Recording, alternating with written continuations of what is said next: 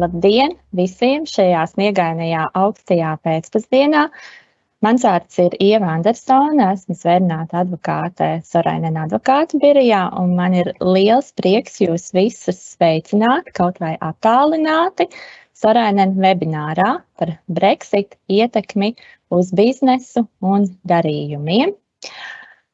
Kā jau zināms, apvienotā karaliste formāli izstājās no Eiropas Savienības jau pirms gada, noslēdzot izstāšanās līgumu.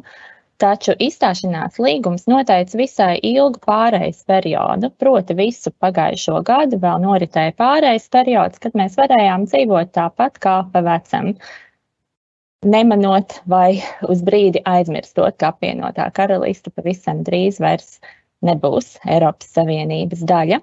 Taču pārējais periods beidzās, un no šī gada 1. janvāra apvienotā karaliste ir pavisam, uh, negribu teikt, neatgriezeniski, dzīve ir gara, nekad neko nevar zināt, bet nu šobrīd patiešām un pavisam izstājusies no Eiropas Savienības un ir uzskatāma par trešo valsti, nevis vairs par Eiropas Savienības dalību valsti. Uh, Pagājušā gada decembrī Eiropas Savienība parakstīja ar apvienoto karalisti trīs līgumus, kas regulēs, kā tad dzīvot tālāk. Jo ņemot vērā ciešo un ilgo sadarbību ar apvienoto karalisti, kad tā vēl bija Eiropas Savienības daļa, skaidrs, ka valstu ekonomikas darījumi, dzīve ir savijusies kopā ļoti daudzos un tiešos veidos, un bija jādomā, kā darīt tālāk un kā dzīvot tālāk. Uh, No biznesa viedokļa svarīgākais no šiem trim līgumiem ir tirdzniecības un sadarbības līgums. Tas ir ļoti garš, uz gandrīz 1500 lapām. Lai jums nebūtu jālasa viss šis vairāk kā tūkstošu lapu garais līgums, mēs šajā webinārā esam centušies apkopā, apkopot informāciju par būtiskāko un galveno, kas varētu būt svarīgi biznesā pēc Brexit. Ja jūs kaut kādā mērā sadarbojaties ar apvienoto karalisti savu darījumu ietvaros. Protams, izvēlētās tēmas ir nedaudz subjektīvas. Tās ir balstītas uz to, par ko mūsu advokātu biroja klienti mums visbiežāk ir uzdevuši jautājumus pagājušā gada beigās un šogad. Tāpēc tās aptver tādas tēmas kā personas datu aizsardzība, intelektuālais īpašums, jeb precīzāk preču zīmes, uh, darījumu slēgšana ar sadarbības partneriem apvienotajā karalistē un, protams, arī strīdu risināšana, jo kur darījumi, tur strīdi. Vēl viens svarīgs aspekts varētu būt nodokļi, un par nodokļiem mūsu uh, Sorainen nodokļu speciālisti ir jau runājuši iepriekš webinārā, kas notika 20. janvārī. Ielūgumā uz šo webināru jūs visi saņēmāt saiti uz šo nodokļu webināru. Tā kā, ja kāda no jums interesē specifiski nodokļu jautājumi, tad par tiem gan mēs šodien nerunāsim, bet laipni lūdzu noskatīties kolēģu webināru. Uh, Šī šodienas webināra ilgums kopumā būs pusotra stunda. Mēs ļoti centīsimies iekļauties laikā. Būs četras prezentācijas. Par katru no runātājiem es iepriekš īsi iepazīstināšu. Mēs labprāt atbildēsim prezentāciju beigās, visu četru prezentāciju beigās uz jūsu uzdotajiem jautājumiem. Paldies tiem no jums, kas jautājumus jau ir iesūtījuši iepriekš. Uz tiem mēs atbildēsim vispirms. Taču aicinu visus no jums izmantot iespēju uzdot jautājumus arī webināra laikā. Uh, Jums vajadzētu redzēt savos ekrānos augšējā labajā pusītē tādu izvēli, show questions and answers, tādi divi lodziņi ar jautājumu zīmi. Kad nospiedīsiet to, tur parādīsies uzraksts live event Q&A, un tur jūs varat rakstīt savus jautājumus. Mēs viņus apskatīsim un iespēju robežās centīsimies beigu sadaļā, kas ir plānota no četriem desmit minūtēm, atbildēt uz šiem jautājumiem. Protams, iespējams, ka uz visiem mēs nevarēsim uzreiz atbildēt, jo ne, visas, ne visu 1400 lapu garo līgumu mēs detalizēti pārzinām, bet centīsimies, cik vien varam. Ar šo es arī ievadu beigšu. Mums bija jautājums, vai ir izmaiņas apvienotās karalistes gada pārskatu iesniegšanas sistēmā. Šeit uzreiz atzīšu, ka tas ir ļoti specifisks tieši grāmatvedības, varbūt nodokļu sistēmas jautājums. Un es jau iepriekš brīdināju, ka diemžēl šajā webinārā mums nav nodokļu speciālisti klāt.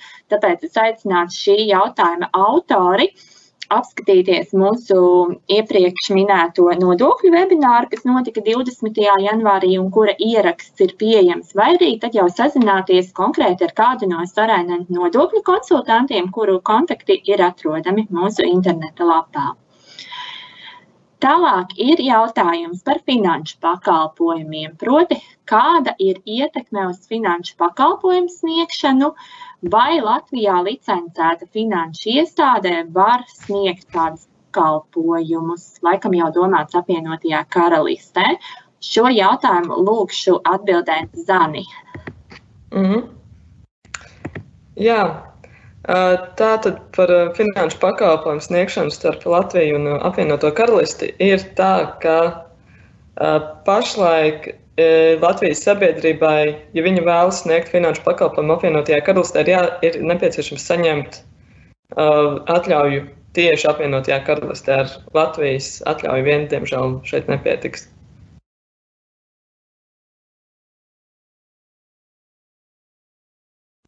Paldies, Zanai! Tālāk mums ir visai jau specifisks jautājums par strīdu risināšanu audiovizuālo mediju pakalpojumu jomā, ņemot vērā, ka apvienotāji karalistē un Latvijai ir saistoša pārobežu televīzijas konvencija, bet tajā nav iekļauti pieprasījuma pakalpojumu un video koplietošanas platformas. Turklāt konvencijas pastāvīgā komiteja, kurai būtu jāizskata strīdus, nav tikusies jau desmit gadus, un tāpat nav paredzēts budžets.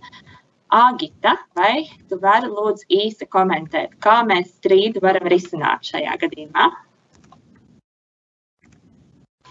Jā, jau paldies.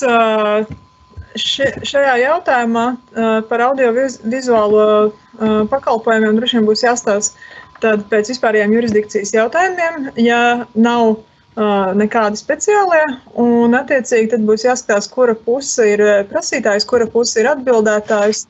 Un eh, nepastāvot nekādiem specifiskiem eh, jurisdikcijas jautājumiem, droši vien tad prasība būs jāceļ vispārējās jurisdikcijas tiesā pēc atbildētāja, atbildētāja mītnes vietas.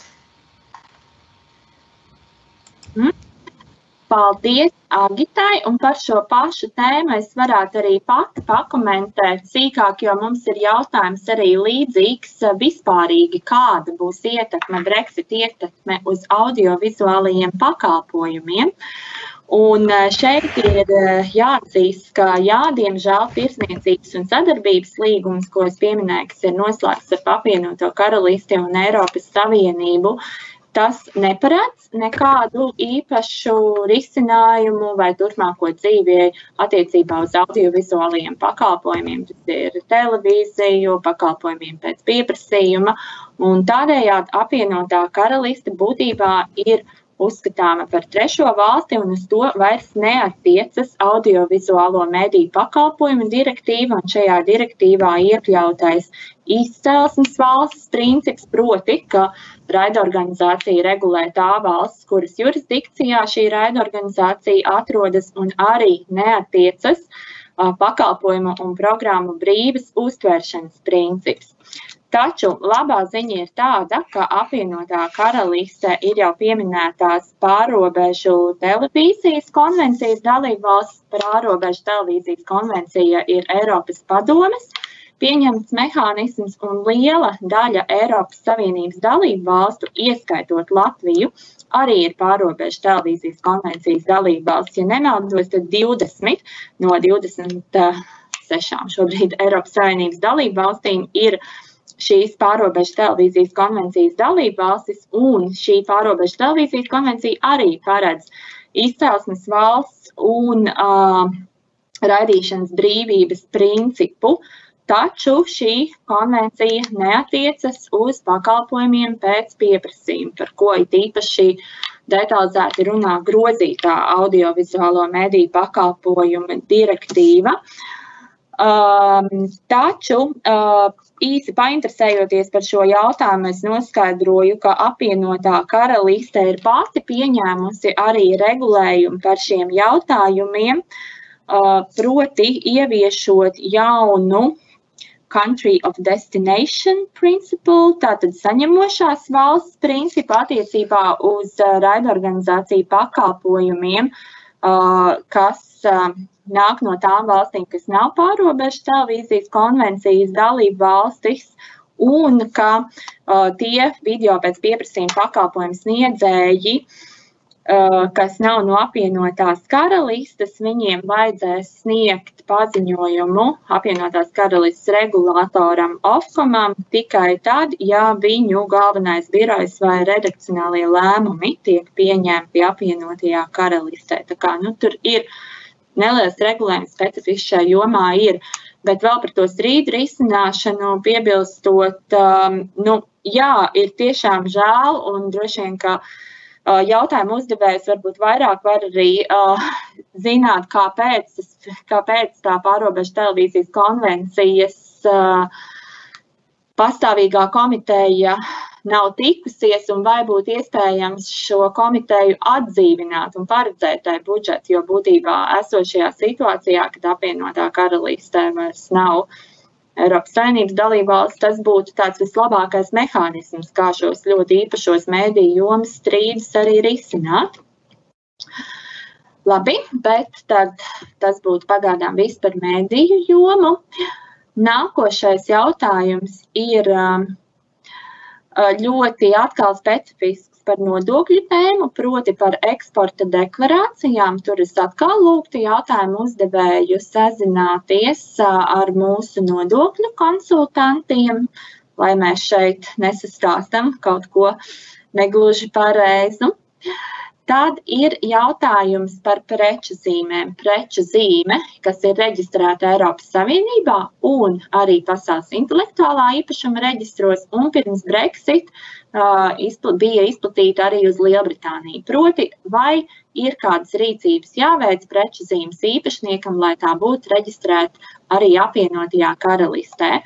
Kolēģi Linda šim jautājumam jau pieskārās prezentācijā, bet varbūt Linda, tu varētu vēlreiz īsi un kodolīgi atbildēt, kas ir vai nav jādara. Ja preču zīme jau bija reģistrēta, vai arī attiecīgi attiecinājums tika apstiprināts no Eiropas Savienības intelektuālā īpašuma tiesību biroja uz Eiropas Savienību, nu, tad savā ziņā nekas nav jādara. Nu, es ieteiktu ieiet tajā apvienotās karalistes reģistrā un pārbaudīt, vai tiešām tas, tas preču zīmes klons ir izveidojies un uh, apskatīties, kāds ir tās preču zīmes reģistrācijas atjaunošanas datums. Un, uh, Tuvojoties tam, tad būtu ieteicams uh, izpētīt, kā tā atjaunošana notiek apvienotajā karalistē, un varbūt sazināt nu, vai, vai ar mums, vai ar citiem šo noskaidrot, un tad iespējams ar attiecīgu pat pilninieku palīdzību nu, turpināt uzturēt to reģistrāciju. Paldies! Un mums tikko ir ienācis arī jauns jautājums tieši par preču zīmēm. Es domāju, mēs varētu arī Linda kopīgi mēģināt Jā. uz to atbildēt. Proti, meklēt, Jā, lūdzu, tad pakomentē. Um, tā jautājums bija, kurš no trim minētiem preču reģistrācijas variantiem izmaksu ziņā ir izdevīgāks? Teikšu godīgi, neuzspēju atrast, cik maksā Nacionālā preču zīmes reģistrācija apvienotie karalistē. Man šķiet, ka es kaut kur redzēju kaut ko ap uh, zem 200 eiro. Tātad tas ir tikai, ja jūs tur reģistrējat. Bet tur tad ir jānoskaidro, cik maksā, piemēram, patentu pilnvarnieku izmaksas apvienotie karalistē. Varbūt beigās tāpat lētāk ir, uh, pieņemsim, pieteikt Latvijā. Ja varbūt tu atceries no galas, cik Latvijā maksāja preču zīmes reģistrācija. Latvijā ir ļoti lēti 180 eiro. Ok, tātad 180 eiro, un pēc tam, lai viņu attiecinātu uz apvienoto karalisti, es uzspēju ierakstīt kalkulatorā VIPO. Tas tā attiecināšana maksās 880 šveices frankus. Uh, tas ir uh, tūlīt. À, nu tas ir aptuveni 814 eiro. Tātad, ja būs 180 eiro patentu valdē, plus 814 eiro VIPO, tur var izmaksas mainīties atkarībā no preču veida un klāšu daudzuma, kurām jūs viņu piesakāt. Lūk, tad, tad, tad sanāk, ka tas būs tā, nu, ap, ap 1000 eiro. Ja jūs gribat tā, savukārt iet uz Eiropas Savienību un to Eiropas Savienības zīmi attiecināt uz apvienoto karalisti, tad pašā Eiropas Savienības zīmes reģistrācija ir aptuveni 900 eiro. Vai ne, Ieva? 950, 850, 900 vai vairāk atkarībā no klašu skaita. 900, jā, minimums ir 900 vai 850 piesakot e-pakalpojumus. Jā, un tūlīt es jums burtiski pateikšu, jo šobrīd rēķinu. Labi, man nesanāca. Viss uzkārās, bet uh, ir VIPO mājaslapā tāds fee calculator, ko, kur, ko jūs varat paspēlēties un paskatīties. Tur tad būtu vienkārši būs jāatzīmē, ka jūs piesakāt Eiropas Savienības režīmu un tad attiecināt viņu uz apvienoto karalisti, un tad viņš jums pateiks, cik tā attiecināšana maksās. Nu, kā jau būtu godīgi, ja būtu tie paši 800 eiro, bet nu, neko nevar zināt, to vajag pārbaudīt.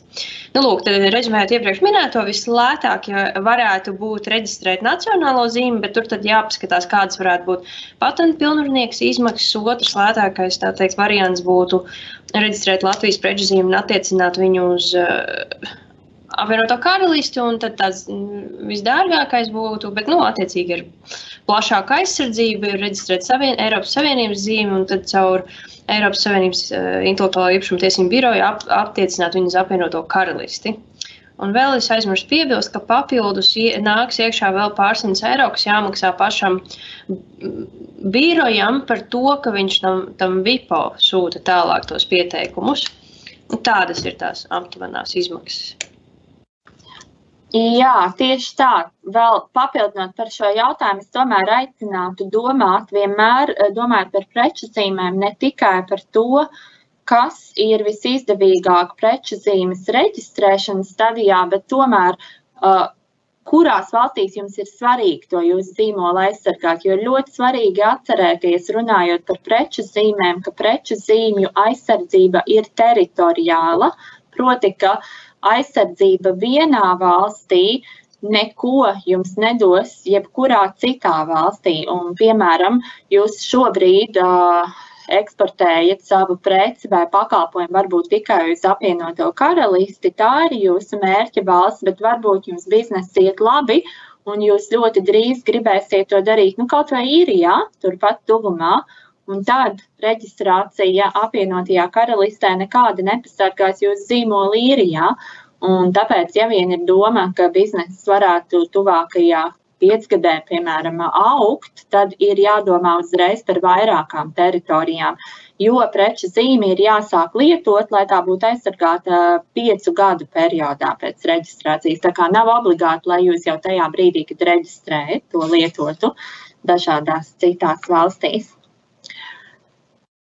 Tā, tad vēl no jautājumiem mums ir jautājums par nodarbinātību, proti par apvienotās karalistes pilsoņa nodarbinātības Latvijā priekšnoteikumiem. Šeit uzreiz teikšu, ka neviena no mums nav darba tiesību juriste. Pareklamēšu Sarainēnu darba tiesību advokātu Andi Burkevicu, kurš droši vien perfekti uz šo jautājumu atbildētu. Bet uh, Webināru laikā es palūkojos, ka pieminētais tirsniecības un sadarbības līgums, kas tagad regulē attiecības ar Eiropas Savienību un apvienoto karalisti, neko nesaka par nodarbinātību. No tā izskatās, ka uz apvienotās karalistes pilsoni tagad attiecas tās pašas prasības un noteikumi, kas uz jebkuras citas trešās valsts pilsoņa nodarbinātību. To apliecina arī informācija, kas ir pieejama ārlietu ministrijas mājaslapā un kas aicina tos apvienotās karalistes pilsoņus un viņu ģimenes locekļus, kas šobrīd atrodas Latvijā un grib tad palikt, iesniegt jaunus pieteikumus uzturēšanās atļaujas saņemšanai trīs mēnešus kopš ieceļošanas dienas, bet ne vēlāk kā līdz šī gada 30. septembrim. Un tā kā, ja jums šis jautājums ir aktuāls, es ieteiktu sazināties ar pilsonības un migrācijas lietu pārvaldi, kas um, atbild par dokumentu iesniegšanu saistībā ar trešās valsts pilsoņu nodarbināšanu. Tipiskie soļi trešās valsts pilsoņu nodarbināšanai ir, ka darba devējs nodarbinātības valsts aģentūrā reģistrē vakanci, pēc tam darba devējs iesniedz pilsonības un migrācijas lietu pārvaldē ielūguma pieprasījumu, nu, un tad tur ir vēl daudz citu specifiski soļi, par ko tiešām darba tiesību speciālists vai arī uh, Pilsonības migrācijas lietu departaments jums pastāstītu sīkāk un precīzāk.